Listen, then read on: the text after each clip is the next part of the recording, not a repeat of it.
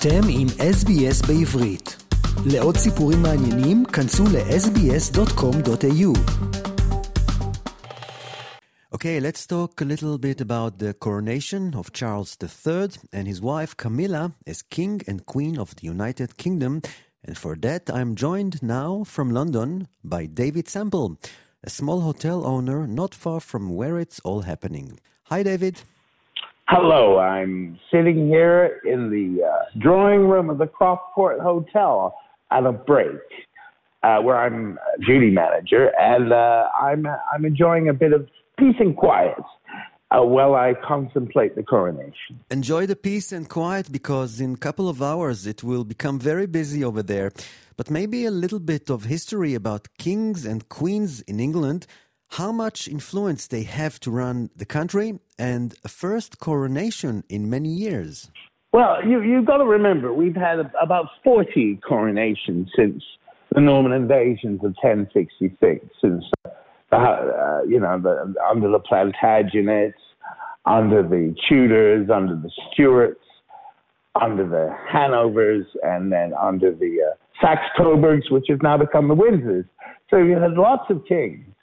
And each one, it's important because the king used to run the state, but always, the king in the Middle Ages always had advisors and ministers under them. They didn't do it all by themselves. It wasn't a dictatorship, and they, they, they're responsible to the nation. Now, the king, uh, since we beheaded a king in 1648 and brought the monarchy back in 1660, they don't have the power they had because Parliament brought the, the monarchy back from after uh, failing as a republic for 10 years, mainly because Cromwell banned Christmas. Mm. And so now we, we, uh, we uh, uh, the monarch, in the, in the, under George, the Georges, they had a lot more power. They used it.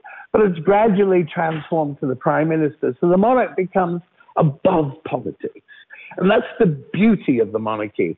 The coronation is important because he is the head of state who represents the country around the world. The prime ministers, all these people are just ministers in the, in the king's government.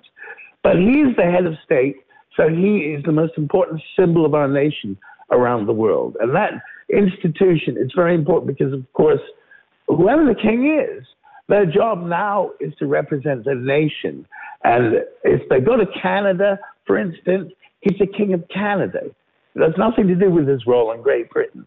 If he goes to Australia, he's the king of Australia. It's nothing to do with Britain. He is the king of Australia, and he does what the Australian ministers as they write his speeches for him, etc. And so the monarchy is very important to all of these nations. It's nothing to do with the British Empire because the, he's the king of England, the king of Australia, all different roles. Okay, and uh, he, he's in Canada and Australia he will take advice from his ministers there. And he takes advice from his ministers here. But he is basically a symbol who is above politics. He can unite the nation because most people don't like politicians, and we've got a rabble rouse of politicians today in this country, but they can at least look with respect to the king because the king is the nation. Can we see the coronation as a religious ceremony? To begin with, he is the head of the Church of England. He had, they've all been the heads of the Church of England since Henry VIII in, in 1531. So the Church of England is the, the, the, Church of State. Okay? That doesn't exclude all other churches, but for the monarchy, being he's actually the head of the Church of England. So it's a religious ceremony too. The, the, the archbishops in the church, you know, they, they, they, there are certain ways to do it it's important. He's talking about wanting to be the defender of all the faiths, but that doesn't mean he's the, that, that has anything to do with anything other than the Church of England. That is the state church of England and the United Kingdom. That's important because in no other country is the king the head of the church. How far are you located, your hotel, from the main event, the main venue? Well, we're about four miles away. Basically, uh, uh, there's going to be a procession from Buckingham Palace, which is at the end of St. James's Park, at the bottom of Green Park, down the Mall, uh, and then down Whitehall, which is the main street of the government. You know, you, you go to, from the Mall, you get to Trafalgar Square, you go down Whitehall to uh, Westminster Abbey, uh, which is uh, near across from the Houses of Parliament.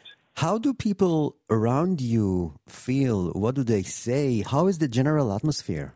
It's about the people too. It's not just about King Charles. It's about the people celebrating themselves. They are having street parties all across England. That's about the people. He's our king, but that's about the people. So everybody wants to have a good time. Everybody wants to have a positive time. Just like, you know, the last time uh, we had such an event was the Queen's funeral, but that brought the nation together.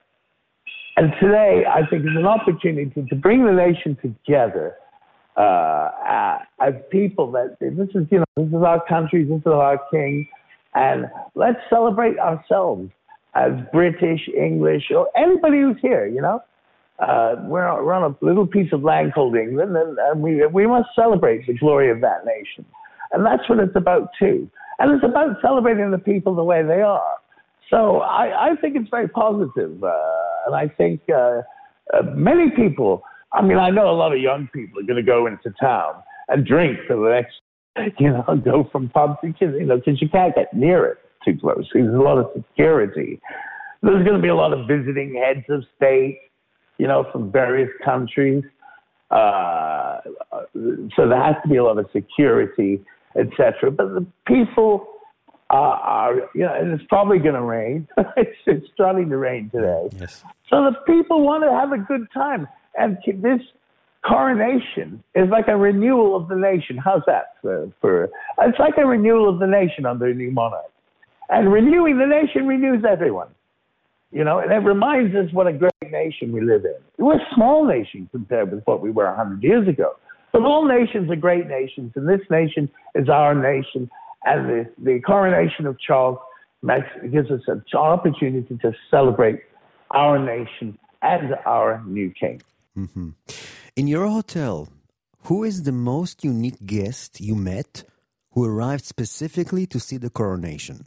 There's a man who came all the way from Costa Rica or the nation next to that. I forgot what it's called. Uh, Horatio, who's of English descent, but he's uh, Costa, uh, from that country. He's come all the way to London. Wow. Just to go down there and be there with the celebrations. Then he flies back home and he's 80 years old. He's brought his wife along. I think that's cool. It, the whole world will be coming. People from all over the world are going to be celebrating this. So they think it's a special event. So it is good for the nation that we have the coronation because it attracts people to the nation. The coronation of Charles III and his wife, Camilla, as King and Queen of the United Kingdom. And we were speaking to David Semple from London in England. Thank you for explaining us about the coronation. Uh, pleasure. It's been a pleasure. עקבו אחרינו והפיצו אותנו דרך דף הפייסבוק שלנו.